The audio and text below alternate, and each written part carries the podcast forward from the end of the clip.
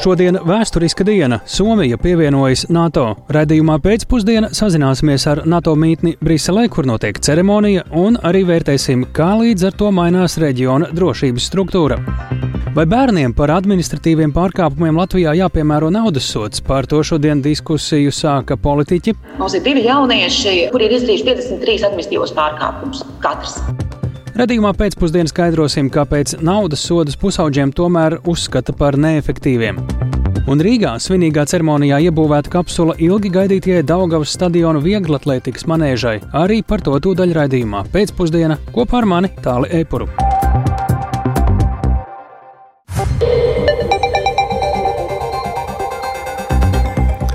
Pūkstens ir 16,5 minūtes 4. aprīļa pēcpusdienā. Ziņu raidījums ar nosaukumu pēcpusdienu skaidrojot šodienas svarīgus notikumus ēterā. Studijā tālis Eipurs. Aptuveni pēc pusstundas pie NATO galvenās mītnes Briselē sāksies svinīga ceremonija. Tās laikā tur tiks pacelts Somijas karoks. Somija šodien oficiāli kļūst par 31. Ziemeļatlantijas līguma dalību valsti. NATO Ģenerālsekretārs Jens Stoltenbergs jau vairāk kārt eh, pēdējās dienās šo nosaucis par vēsturisku brīdi. Viņš arī turpina paust pārliecību, ka arī Zviedrija drīz pievienosies aliansē. NATO galvenajā mītnē šobrīd atrodas arī mūsu Briseles korespondents Arķums Konohovs. Ar viņu tagad esam sazinājušies tiešraidē. Labdien, Arčom! Kā tad šobrīd izskatās NATO galvenajā mītnē, kur drīzumā notiks svinīgā ceremonija? Man liekas, dzirdēju jau, kā karoga tās uh, troses sitās pret mastiem. Jā, tik tiešām labdien tālu, labdien klausītāji. Es kopā ar pārējiem žurnālistiem šobrīd dodos uz to vietu, kur notiks svinīgā ceremonija, jo varu viņu redzēt ar acīm. Mums uh, nav sniega, kā tas ir Latvijā. Es tikko arī dzirdēju prognozi, bet um, mums ir saulaina diena, pavasarīga, skaista un īsts piemērots brīdis, lai šāda ceremonija varētu notikt. Uh, ir, protams, arī pūtēju orķestrs šeit un būs arī uh, valstu politiķi, ārlietu ministri, kas ir sanākuši un, eh, protams, arī eh, ir ieradušās eh, Somijas amatpersonas, ne tikai ārlietu ministrs, bet arī valsts prezidents ir ieradies šeit Briselē, lai būtu klāt šajā svinīgajā ceremonijā, kas tiešām sāksies pēc aptuveni pusstundas un varētu ilgt jā, aptuveni kādu pusstundu. Būs uzrunas, būs mūzika un arī karoga pacelšana. Jā, mēs dzirdam, fonā viss vēl ir procesā, īsu brīdi pirms svinīgā brīža. Kādēļ mēs arī pieteikumā minējām, NATO ģenerālsekretārs Jens Stoltenbergs šo dienu sauc par vēsturisku? Mēs to, protams, saprotam, bet kas ir tās lietas, kuras tu gribētu uzsvērt šeit? Protams, eh, ir būtiski tas, ka vēl pirms nesena laika neviens nevarēja iedomāties, ka kaut kas tāds notiks. Somija pirms tam, kad Krievija uzsāka karu Ukrainā, neplānoja iestāties šajā aliansē, bet, protams, karš visu mainīja. Un tagad situācija ir kļuvusi pilnīgi savādāk. Un paklausīsimies, ko eh, Jens Stoltenbergs ir sacījis eh, šodien no rīta. So I'm glad and I'm proud to be the Secretary General that can welcome. Esmu laimīgs un lepns, ka varu būt ģenerālsekretārs laikā, kad Somija kļūst par pilntiesīgu NATO dalībvalsti. Daļēji esmu laimīgs arī tādēļ, ka nākot no Norvēģijas esmu strādājis ar somu politiķiem daudzus gadus. Vēl netik sen Somijas dalība NATO šķita neiedomājama. Tagad viņi ir pilntiesīga alianses dalībvalsts. Tas parāda, ka Somija ir demokrātiska un neatkarīga valsts, kas var pieņemt patstāvīgus lēmumus independent country. They make their own decisions. Tik tiešām tāds ļoti personisks paziņojums no Stoltenberga, kas viņam nav pārāk raksturīgi. Viņš daudz arī runāja par to, ka atliek tikai paskatīties uz karti, lai saprastu, kā Somijas pievienošanās veicinās arī Baltijas jūras un Baltijas jūras reģionu, ziemeļu reģionu valstu drošību. Tas arī ir ārkārtīgi būtiski. Un līdzīgi izteicās arī Somijas aizsardzības ministrs Antī Kaikonens, kurš arī ir ieradies šeit. Viņš sacīja, ka ne tikai Somija iegūs no dalības NATO, bet arī NATO iegūs no Somijas pievienošanās. Paklausīsimies! Being working Mēs daudz esam strādājuši, lai pilnībā iestātos NATO, un šodien ir tā diena. Somijai tā ir nozīmīga diena. Bet es gribētu teikt, ka tā ir savstarpēji izdevīga situācija, jo arī NATO iegūs no mūsu iestāšanās. Tomēr mūsu nākamais mērķis ir panākt, lai arī mūsu labais kaimiņš Zviedrija pievienotos aliansei. Tik tiešām par Zviedriju arī šodien tiek daudz runāts, un par to, ka arī viņiem būtu jāpievienojas. Tas tiek pieminēts gandrīz katrā politiķu izteikumā. Nu jā, šobrīd kā izskatās, cik reāli ir, ka Zviedrija tiešām drīzumā varētu pievienoties NATO, zinot, ka varbūt ir kaut kādas pazīmes no Turcijas, no Ungārijas, kas ir tās valstis, kuras pagaidām to līdz šim ir bremzējušas? Es teiktu, ka to var tikai minēt, un uh, no politiķiem, no diplomātiem izskan dažādas versijas. Daži saka, ka situācija varētu palikt mierīgāka un atrisināties uh, pēc maijā gaidāmajām vēlēšanām Turcijā, un līdz tam laikam visticamāk nevajadzētu gaidīt uh, kaut, kādas, kaut kādu virzību no Turcijas šajā jautājumā. Bet Cita saka, ka varētu tas prasīt arī vēl ilgāku laiku. Tomēr ir cerība, ka arī Zviedrija varētu kļūt par pilntiesīgu dalību valsti vēl pirms eh, NATO valstu līderu samita, kas jūlijā ir gaidāms Viļņā. Tā tāds ir tās, tās, tās prognozes, bet, protams, pilnīgi droši neviens nevar apgalvot un būs jāskatās, kāds būs Turcijas vēlēšana iznākums. Jā, Somija pēc pusstundas apmēram būs dalība valsts vai pēc stundiņas vai jau ir, kā tur īsti?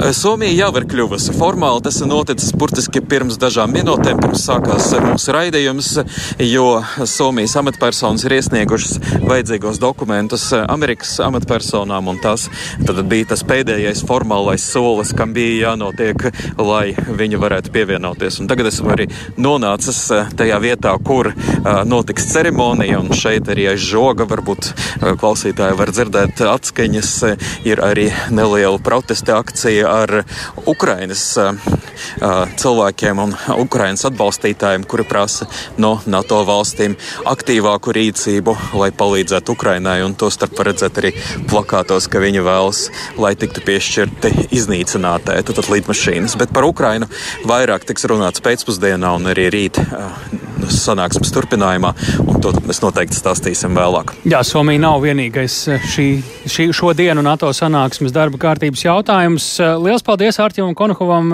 ziņojot no vēsturiskā brīža, kad Somija kļūst par 31. NATO dalību valsti. Plašāk reportāžu ar visām skaņām un runām droši vien dzirdēsim citos ziņu raidījumos un ziņu izlaidumos. Bet šobrīd pie mūsu klausulas ģeopolitikas pētījuma centra direktors Vidzemes augstskolas prorektors Māris Anģāns. Labdien! Labdien! Paskatoties kartē, Krievija šobrīd rietumos uh, vairs uh, neredz nevienu neitrālu valsti, bet tās uh, robeža ar NATO ir kļuvusi divreiz garāka. Arī pārējās valstis, kas vēl ir Krievijai šai pa pasaules pusē, Ukraina, Gruzija, ir ar skatu NATO virzienā. Kas tad ar šo dienu, ar Somijas pievienošanos NATO reāli mainās reģionu drošības struktūrā?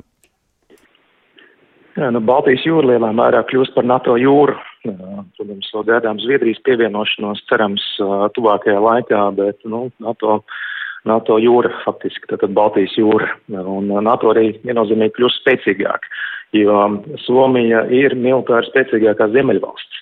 Līdz ar to iegūst visa alianse un īpaši arī Baltijas valsts.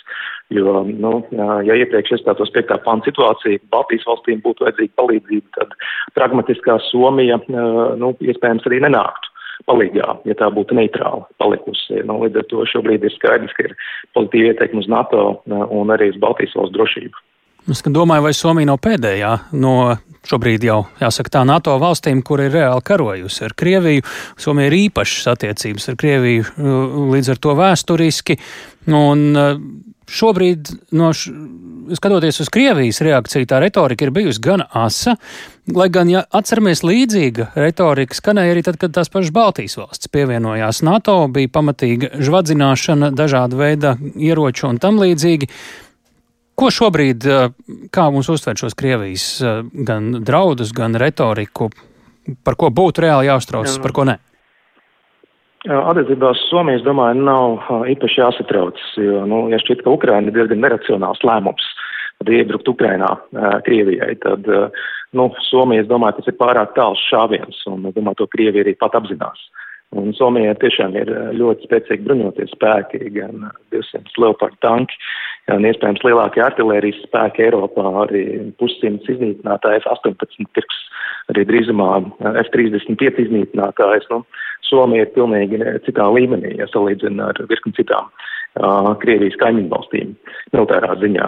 Līdz ar to es domāju, Krievijas retorika tā ir tiešām tikai retorika, un ka Krievija nu, ļoti diez vai nopietni raugās uz uh, Somiju kā potenciālu draudu vai arī kā nu, potenciāli vērst kaut ko pret Somiju militāri.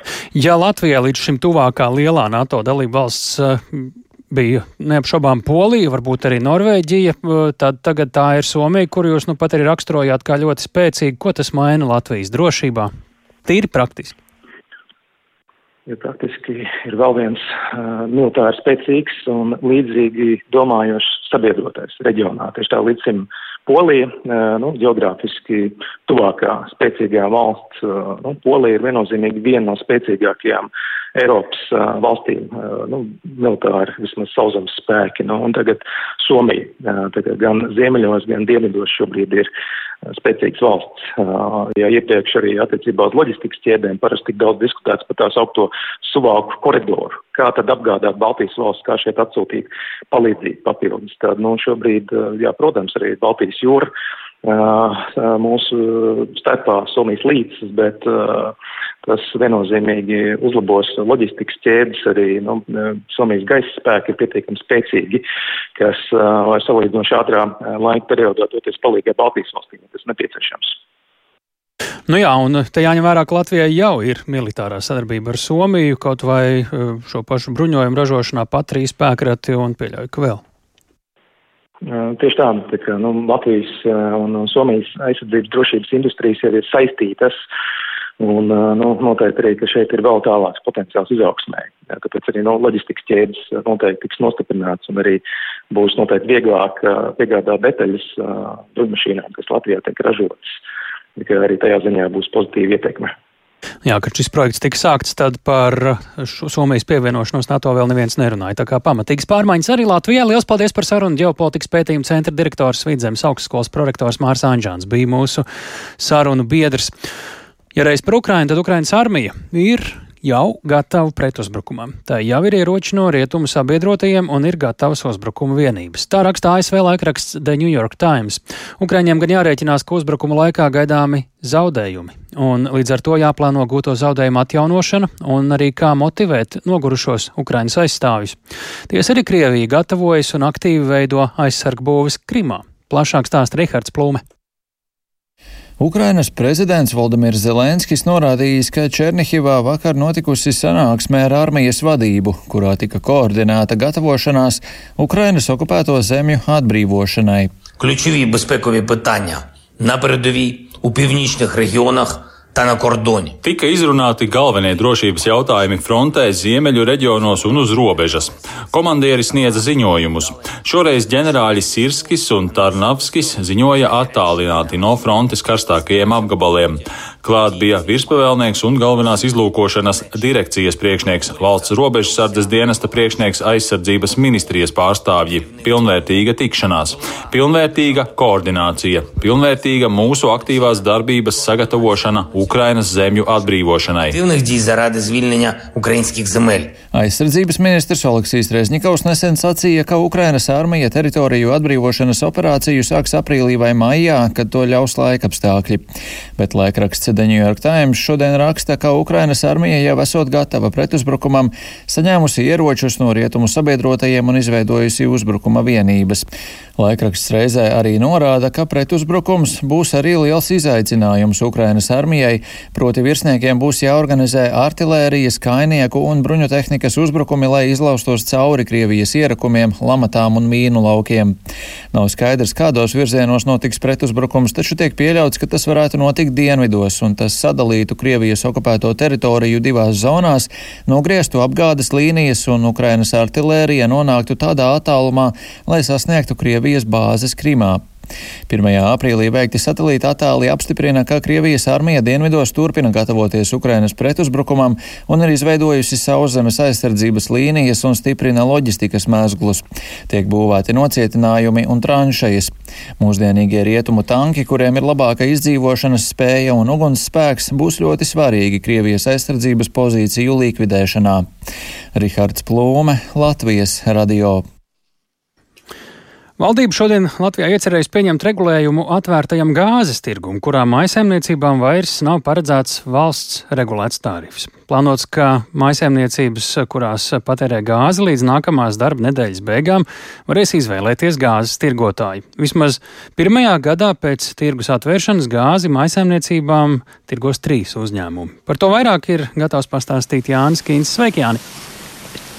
Sveiks, tēls, veicināti klausītāji. Jā, gāzes tirgus atvēršana mājasemniecībām no 1. maija nozīmēs zemākas izmaksas gan tiem absolūtajiem vairākumam klientu, kuri gāzi izmanto ēdienu gatavošanai, gan tiem, kuri to izmanto apkurei un ūdens sildīšanai. Un mājasemniecībām gāzi piedāvās trīs uzņēmumi. Kā jau minēts, pašlaik līdz 15. aprīlim iedzīvotāji var izvēlēties, no kā saņemt gāzi no 1. maija. Tomēr, ja mājasemniecība nelems šajās dienās izvēlēties cita uzņēmuma piedāvājumu, tad uh, turpinās no Latvijas gāzes saņemt tā saucamo universālo pakalpojumu. Latvijas gāze prognozē izmaksu samazināšanos šajā universālajā pakalpojumā par 20 līdz 40 procentiem salīdzinot ar pašreizējo regulēto tarifu. Un, uh, konkrētu cenu pašreizējiem tātad, mājasemniecību klientiem uzņēmums plāno izziņot jaunadēļ. Un, pieminētais universālais pakalpojums ir produkts, kas izstrādāts atbilstoši jaunajiem ministru kabineta noteikumiem. Tā ieguvumus paskaidroja Latvijas gāzes mājasemniecību departamenta vadītāja Diana Tifča. Trīs galvenās priekšrocības.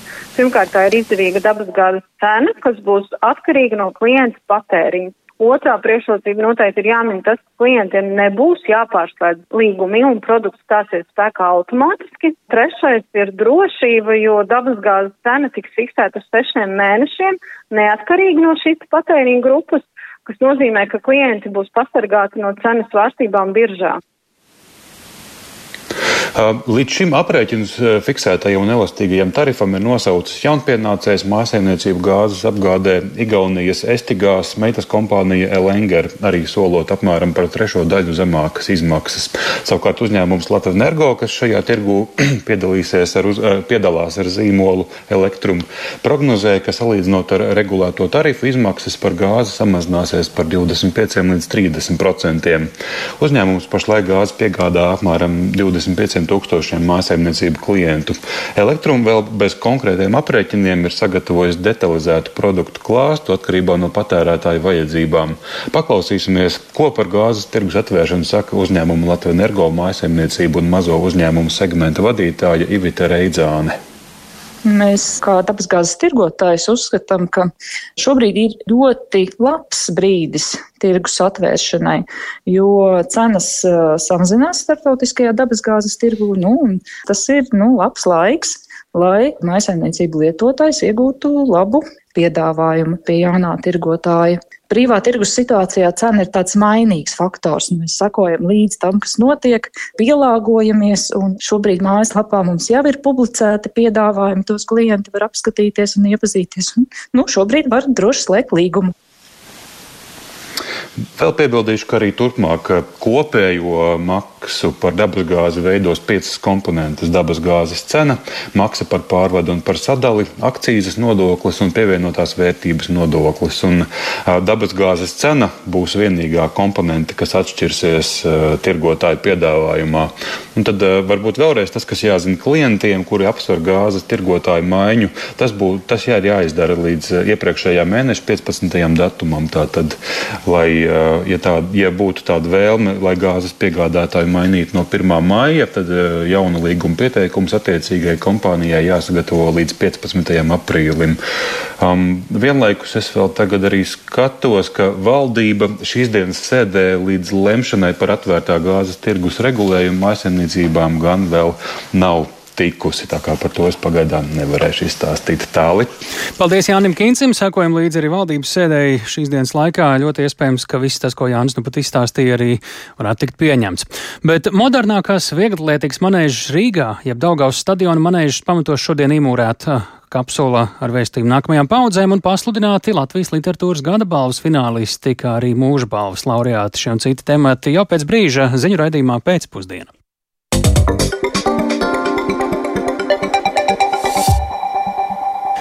Vai bērniem par administratīviem pārkāpumiem jāpiemēro naudas sots? Par to šodien diskusē, diskusēja eh, un diskusiju sāka Tieslietu ministrija.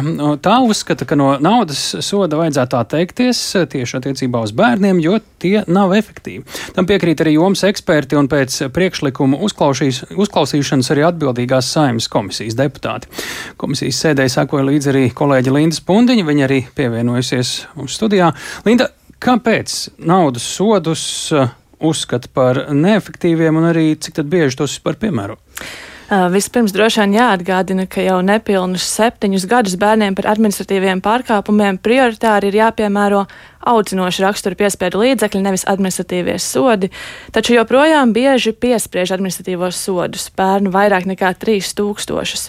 No tiem 2000 bija naudas sodi. Visbiežāk uzliktais naudas sods nepilngadīgajiem ir 140 eiro, un kas maksā šos naudas sodus? Tie ir vecāki vai likumiskie pārstāvji. Kā norāda Tieslietu ministrija, pārnesot administratīvo atbildību uz vecāku pleciem, tas neatbilst principam, ka persona, kura izdarījusi pārkāpumu, izcieš tai piemēroto sodu. Un kāpēc bērni izdara pārkāpumus? Cēloņi ir vairāki. Tā, tā ir nelabvēlīga vide ģimenē un vardarbība ģimenē un skolā, vienaudžu ietekme un citi uh, cēloņi. Administratīvā soda piemērošana nav saistīta ar šiem cēloņiem, tāpēc tā nav efektīva. Uzskata Tieslietu ministrija, kas jau rosina atcelt naudas sodus nepilngadīgiem. Varam paklausīties Tieslietu ministrijas valsts sekretāra Mihaila Papsvieviča sacītajā. Faktiski uz pārkāpumu mēs piedāvājam, ka mēs skatāmies kā uz signālu par to, ka attiecīgā bērna dzīvē notiek kaut kāda sarežģījuma. Tālāk arī 16. gadā, atsakoties, jeb runājot par to, kas būtu primāri piemērojams, runa bija par audzinošu raksturu piespiedu līdzekļiem. Jāsaka gan tā, ka, lai audzinošu raksturu piespiedu līdzeklis būtu efektīvs, nepietiek vien ar tā juridisko ietvaru, ir jābūt arī saturam un faktiski pretī jābūt pakalpojumiem. Un ar pakalpojumiem situācija šobrīd nav varbūt līdz galam laba. Piebildīšu, ka pārkāpumi, ko visbiežāk veids nepilngadīgie, ir saistīti ar vielu lietošanu, smēķēšanu un nepiedienīgu uzvedību, bet, naudas sodu, bet ar naudas sodu to nevar risināt. Tieslietu ministrijas valsts sekretārs jau teica, ka, ja mēs vēlamies atteikties no naudas sodiem bērniem, bērniem tad jādomā, ko ar tiem var aizstāt. Un, ko tad piedāvās naudas sodu vietā? Tādus konkrētus piedāvājumus šodien saimnes komisijā es nesadzirdēju. Tieslietu ministrija tikai uzsāka šo diskusiju par pāriešanu un maiņu uz jaunu soda veidu.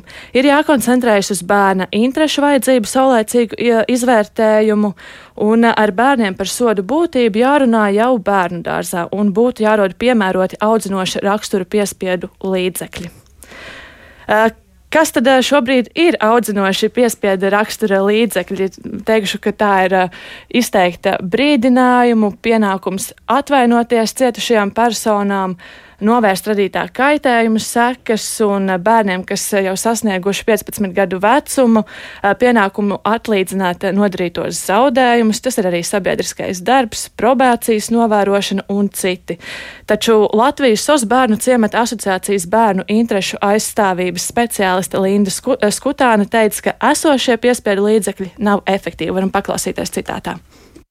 Mums ir divi jaunieši, kuri ir izdarījuši 53 administratīvos pārkāpumus. Katrs. Tā intensitāte ir vidēji reizes nedēļā. No tiem vienam naudas sodi ir bijuši piemēroti septiņas reizes, otram piecas reizes. Diemžēl šie audzinoši rakstura piespiedu līdzekļi, ko paredz mūsu likums, šī gadījumā ir atvainojiet par vārdu, bet bezzobaini.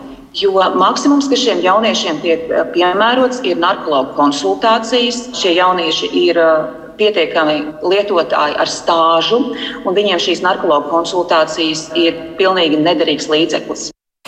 Būtu jāpiedāvā daudzveidīgāki pakalpojumi darbā ar bērniem, un pusaudži, pusauģiem būtu jāiesaist daudz vairāk pašvaldības pārstāvju.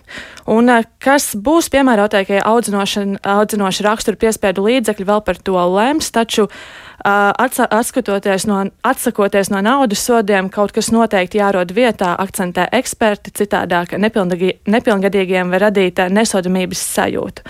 Plānots, ka iespējamās izmaiņas likumā varētu saimā pārunāt maijā un tad vēl tikai tālāk lemt, kad un ko un vai. Viss vēl procesā. Paldies Lindai Spundiņai tik tālu par to, vai bērni būtu, bērniem būtu jāpiemēro sodi par naudas sodi par administratīviem pārkāpumiem.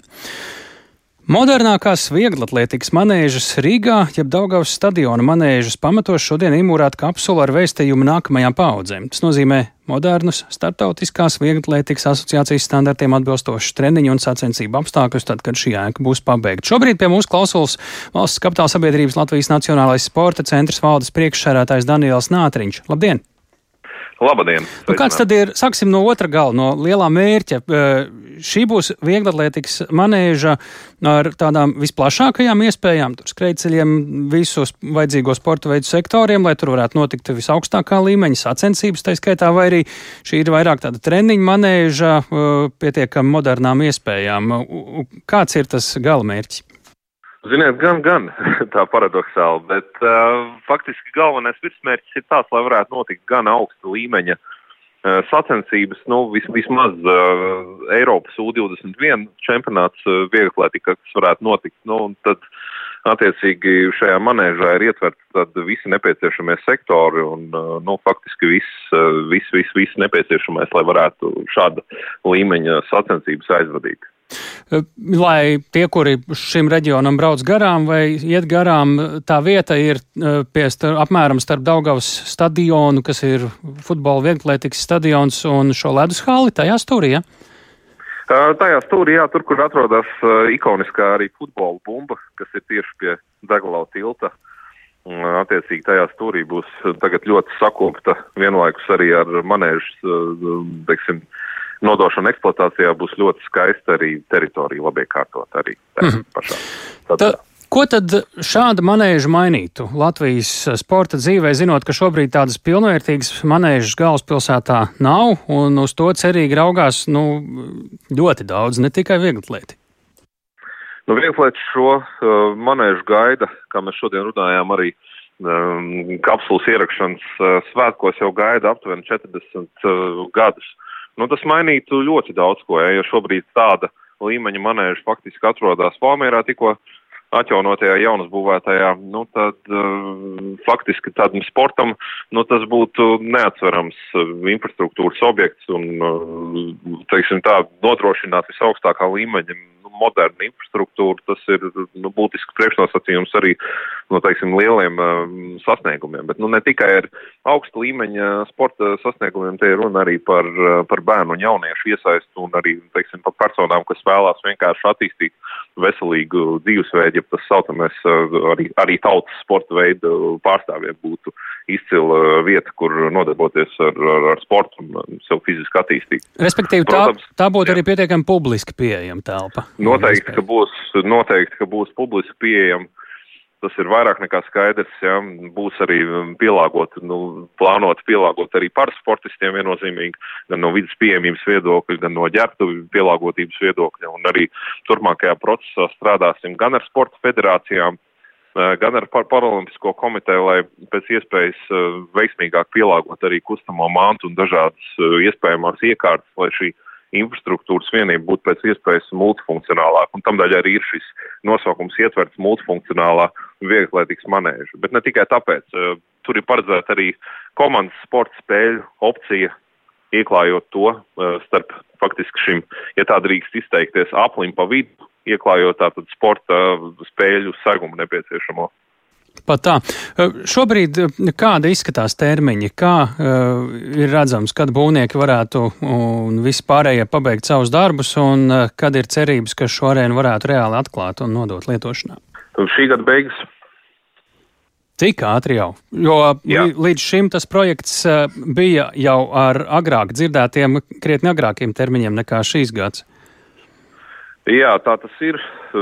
Diemžēl pa vidu šī projekta ietvaros nāca vairākas būvniecības nozares krīzes, tā skaitā arī nu, kara izraisīta būvizmaksu sadārdzinājuma krīze, kas mums bija šī projekta ietvaros arī jārisina, bet nu, vairāk nekā pusgada mm, intensīvu darbu kopā ar būvniekiem esam mm, atraduši nu, jau faktiski pagājušā gada nogalē atradām ilgspējīgu un tiesiski korektu risinājumu, kā, kā, kā šo būvizmaksu sadārdzinājumu kompensēt un um, kopīgi doties uz priekšu. Bet virsmērķis ir, nu, tas, tas faktiski arī ir tas vienīgais mērķis, uh, ir nodot šo būvu eksploatācijā līdz uh, šī gada beigām. Mums īsti citu variantu arī nemaz nav, ņemot vērā to, ka um, Eiropas projekta nosacījumi paredz, ka um, visam šim grīzīgāla apkaimes revitalizācijas projektam ir jābūt uh, pabeigtam līdz uh, šī gada beigām tas ir gan ātri, cik uh, ilgtspējīga šī būva būs, tas nebūs ātrais angārs? Nē, noteikti nē. Ātro angāru nevarētu gluži pieņemt uh, eksploatācijā arī. Un, turklāt uh, šeit šobrīd ir runa par to, ka mums ir lielākais Latvijas būvuzņēmums, kuram ir pieredze uh, būvēt šādu veidu būvus arī jau iepriekš. Līdz ar to mēs, protams, monitorējam to situāciju. Mm, mums ir arī būvprocesa vadības eh, konsultantu vienība, kas, kas darbojas ar, ar šo pasākumu nu, monitoringu, ja tā drīkst izteikties. Un līdz ar to es nedomāju, ka tas būs tas gadījums. Ātri nenozīmē slikti. Nu, tas, tas vienkārši nozīmē ātri. Jā, nu, tad par izmaksām eh, vēl nobeigumā. Eh, kam un kādas un par ko galvenās izmaksas būvējot šo vieglatlētikas manēžu? Nu, respektīvi, jautājums, cik ir uh, izmaksas vispār kā tāda šajā projektā? Jā, šobrīd kā. 3 miljoni aptuveni. Un uh, kurš par Eiropa, šo maksā? Eiropa pilnībā Eiropas, taču ne? Eiropas, uh, nē, pilnībā nē, tur ir jāskatās, uh, tas ir nedaudz komplicēts jautājums šajā brīdī. Jāskatās kopsakarā droši vien ar, ar, ar, ar visu lielo projektu, jo mums vēl būs divi citi iepirkumi izsludināti un no tā uh, tad arī atkarīgs ir tā valsts līdzfinansējuma daļa visu projektu ietvaros. Tas ir komplekss jautājums, kas jāskatās projektu ietvaros. Uz to man būs precīzāk atbildi par, par valsts eh, finansējumu sadaļu. Eh, tajā brīdī, tad, kad mums būs noslēgušies iepirkumi arī atlikušajā daļā. Līdz Nav bažu, ka tas var aizkavēt korekti. projektu? Ko lūdzu? Nav bažu, ka tas var aizkavēt projektu? Tas tieši. Eh, šāda veida vēl līdz galam neziņa vai precīzas atbildes atbild neesamība. Nē, mums ir jā, jātīsta vēl divas infrastruktūras vienības. Tas ir centrālais un treniņu laukums, kur mums ir rekonstrukcija arī. Un um, faktiski tā teritorijas uh, labiekārtošanas sadaļa, kas ir pulcēšanās laukums, kas arī paredzēts. Līdz ar to tas ir komplekss pasākums, kas ir šogad uh, jānoslēdz. Lielas paldies par sarunu. Ļoti izsmeļoši Daniels Nātriņš, valsts kapitāla sabiedrības Latvijas Nacionālais sporta centrs valdes priekšsādātājs stāstot par modernāko vieglatlētikas manēžu Rīgā, jeb uh, Daugaus stadiona manēžu, kuras pamatos šodien iemūrēt kapsulu ar vēstījumu nākamajām paudzēm. Pasludināti Latvijas literatūras gada balvas finālisti sešās kategorijās, kā arī mūža balvas laureāte, un tā ir tulkotāja Elga Sakse. Kā šodien atzina žūrija, aizvadītajā gadā ir bijis gan liels jaunu grāmatu birums, bet lielākais pārsteigums ir tulkotās literatūras milzīgais klāsts. Tāpēc arī kategorijās ir pa kādam jaunumam. Lai pastāstītu plašāk par visiem jaunumiem attiecībā uz Latvijas literatūras gara balvu, man studijā pievienojas kolēģi Baiba Kušķe. Sveiki, Baiba! Kādi, Sveiki. kādi tad ir tie jaunumi šīs balvas stāstā un ko žūrija ir secinājusi kopumā par aizvadīto gadu? Jā, aizvadītais gads bija gan ražīgs. Kopumā balvai pieteiktas vairāk nekā simts grāmatas, eh, kas žūrijai, protams, visas bija arī jāizlasa. Un tad, kā savā labdabīgi ironiskajā stilā teica žūrijas pārstāvis Andris Akmentiņš, katrs no žūrijas pārstāvjiem varēja vērot, kādas psihes pārmaiņas viņā notiek, izlasot šādu daudzumu. Simt. Jā, 113 pat oh. kopumā. Bet eh, tas lielākais pārsteigums centrs un, ja tā var teikt, visa smaguma centrs aizvadītajā gadā ir bijusi tieši tulkotā literatūra, kas ir pārsteigusi gan ar savu kvalitāti, gan ar apjomu, jo ir iesniegts kopumā 41 darbs. Eh, salīdzinājumam pērn eh, tie bija 29.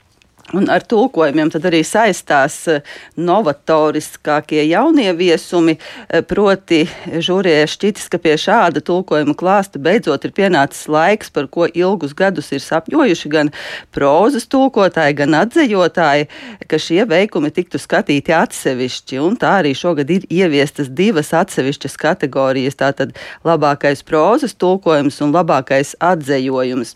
Un ar tulkošanu saistās arī šogad piešķirt piešķirtā speciāla balva, un to saņems tulkotāja Ieva Lešinska par Eduarda Veidenbauma atzējojumiem angļu valodā. Viņa ir to paveikusi ļoti eleganti, spēlīgi, un atkal es citēšu Andriju Akmentiņu tā, ka tagad e, sociāli aktīvais Veidenbaums spēja saukt cīņā arī ļaužu masas Hārlemā. E, līdz ar šīs speciāla balvas piešķiršanu žūrija vērš uzmanību arī uz latviešu literatūras eksporta nozīmi un spodrināšanu arī ārpus Latvijas. Ja runājam par tām ierastajām kategorijām, tad prozas kategorijā raksturīga iezīme ir tā, ka autori atskatās uz mūsu senāku vai nesenāku vēsturi un tās ietekmi uz mums šodien. Un e, nominēti ir četru autoru darbi. Jāņa Joņeva romāns Decembris, kas pievēršas 90. gadiem, Kristīnas Ilziņas darbs Es neliecināšu pret jums, kura centrā ir pirmsatmodas laiks un atmodas laiks, bet tāda plašāka mūsu vēstures kultūras panorāma ir skatīta Dācis Vīgantes darbā Romantiķis un arī Osvalda Zebra romānā Meža kāja.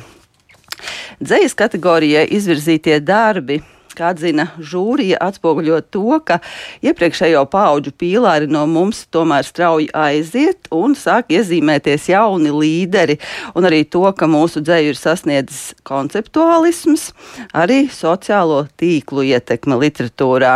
Un dzēnieks vairs nav tāda autoritāte kā agrāk, bet drīzāk dzēnieks ir sarunu biedrs. Un dzējas kategorijai šogad ir izvirzīti pieci krājumi, un tos raksturo Andris Akmentiņš.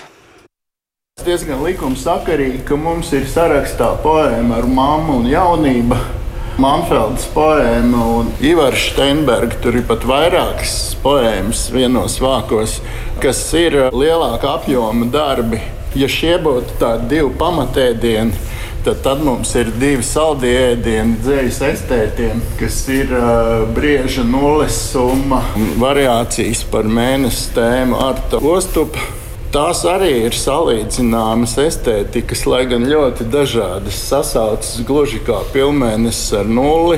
Un tad mums ir piekta grāmata. Tas mums šajā ēdienkartē ir tāds čili pipars. Faktiski kā tāds pretstats konceptuālismam, kā žūrijas intuitīva cerība, ka tā dzējas ēka patiesībā nekad nebūs gatava līdz galam pašpietiekama. Jā, aizvadītajā gadā līdzās tulkojumiem ļoti daudz ievērības cienīgu veikumu ir bijis arī literatūras zinātnē, tāpēc ir atjaunot arī tai veltītā kategorija, un tai ir izvirzīti četri darbi - Anitas Roškalnes brīvie vektori, jeb versija par Gundegu Repši, Benedikta Kalneča pētījums pavērsiens par Rudolfa Blaumaņa dairadi, Ievas Strukas darbs par Anšlau Eglīti, kā arī Ārņa Koroševska monogrāfija, kas šobrīd varētu būt tāda īpaši aktuāla visā pieminekļu sāgas saistībā. Tātad tā ir monogrāfija par Andreju Upīti, kas saucas eh, Lielais noliedzējs. Eh, kopumā tā tad ir sešas kategorijas, bet par visām jau, protams, nevarēšu šobrīd izstāstīt. Nu jā, tur jāsako rūpīgāk līdzi, bet mēs jau pateicām un kopumā šodien uzzinājām, ka mūža balvu literatūrā saņems Elga Sakse. Kādi ir viņas nopelni mūsu literatūrā. Viņa ir tulkotāja. Jā, viņa ir tulkotāja, un viņa daudzus gadu desmitus ir bijusi vienīgā tieši ungāru literatūras tulkotāja Latvijā. Eh, tulkot viņa sākusi 60. gadu vidū un ir iztulkojusi kopumā vairāk nekā 70 darbu no ungāru valodas. Būtībā viņa tam ir veltījusi visu savu dzīvi. Un tad eh, par viņu vairāk varam paklausīties žūrijas vadītājas Ingamāras Balodas eh, stāstījumā. Pateicoties Elgai Saksai, mēs esam lasījuši Magdas Sabo un Šandoru Mārai prózu, tāpat Imru Kertēs, Ferenc Moru. Istvāņa ērkēnu. Ik pa brīdim tiek minēts, ka viņas atvilknēs un arhīvā ir arī nepublicēti tulkojumi, jo nevienmēr Latvijas izdevēji var būt tik elastīgi, lai ļautos tādu par vienu soli tālāk kultūra vilinājumam. Man šķiet, ka lielisks šīs balvas izpaudums um, realitātē varētu būt mudinājums izdot šos darbus, kaut vai Elgas Sakas tulkoto ungāru folkloru pasakas bērniem, kurus mēs, domāju, daudz esam klausījušies un dzirdējuši vakar pasaku izpildījumā, bet kas nekad nav vēl iznākušas apkopotā izdevumā. Vairākas Selgas sakas tūkotas lūgas ir piedzīvojušas īpašu Latvijas skatītāju mīlestību, uzvestas uz Nacionālā teātra un Dēls teātra skatuves. Nu, lūk, tā, šodien tātad paziņot ir nominanti, kad mēs uzzināsim laureātu vārdus un droši vien arī, kur klausītāji var iepazīties ar pilnu nominantu sarakstu. Ar pilnu nominantu sarakstu var iepazīties Latvijas literatūras gada balvas mājaslapā, Laligaba, e, arī LSM e, mājaslapā. Un apbalvošanas ceremonija tātad būs 28. aprīlī atjaunotajā Rīgas cirkēkā. Tiešraidē to varēs arī vērot portālā LSM. Savukārt 29. aprīlī būs arī pārraide Latvijas televīzijā. Bet kā Alež pirms laureāta apbalvošanas e, kultūra telpā M darbnīca notiks arī dzējas un prozas lasījumi. Tie sāksies 18. aprīlī, kad būs dzējas lasījumi, bet 20. aprīlī skanēs prozas lasījumi. Tas ir tieši nominantu Vai... Jā, tieši Aha, nominanti. Labi. Jā. Lielas paldies Baibai Kušķai šeit uh, raidījumā pēcpusdiena. Mums šodien tas arī viss. Tiekamies, protams, kā kā rīt. Šo raidījumu veidojām mēs Tālis Eipurs, Ilza Aginta, Renārs Šteimanis, Rita Karnača un atgādinām, ka Ziņu raidījumu pēcpusdienu, līdzīgi kā citus raidījumus, varat atrast Latvijas radio mobilajā lietotnē, meklējot atslēgu vārdu šodienas ziņas. Jau kādu brīdi pēc raidījuma tas tur atkal ir dzirdams šādā formātā. Varat padalīties ar citiem, vai, ja nokavējuši esat paši, paklausīties visu raidījumu kopumā. Līdz rītam! Yeah.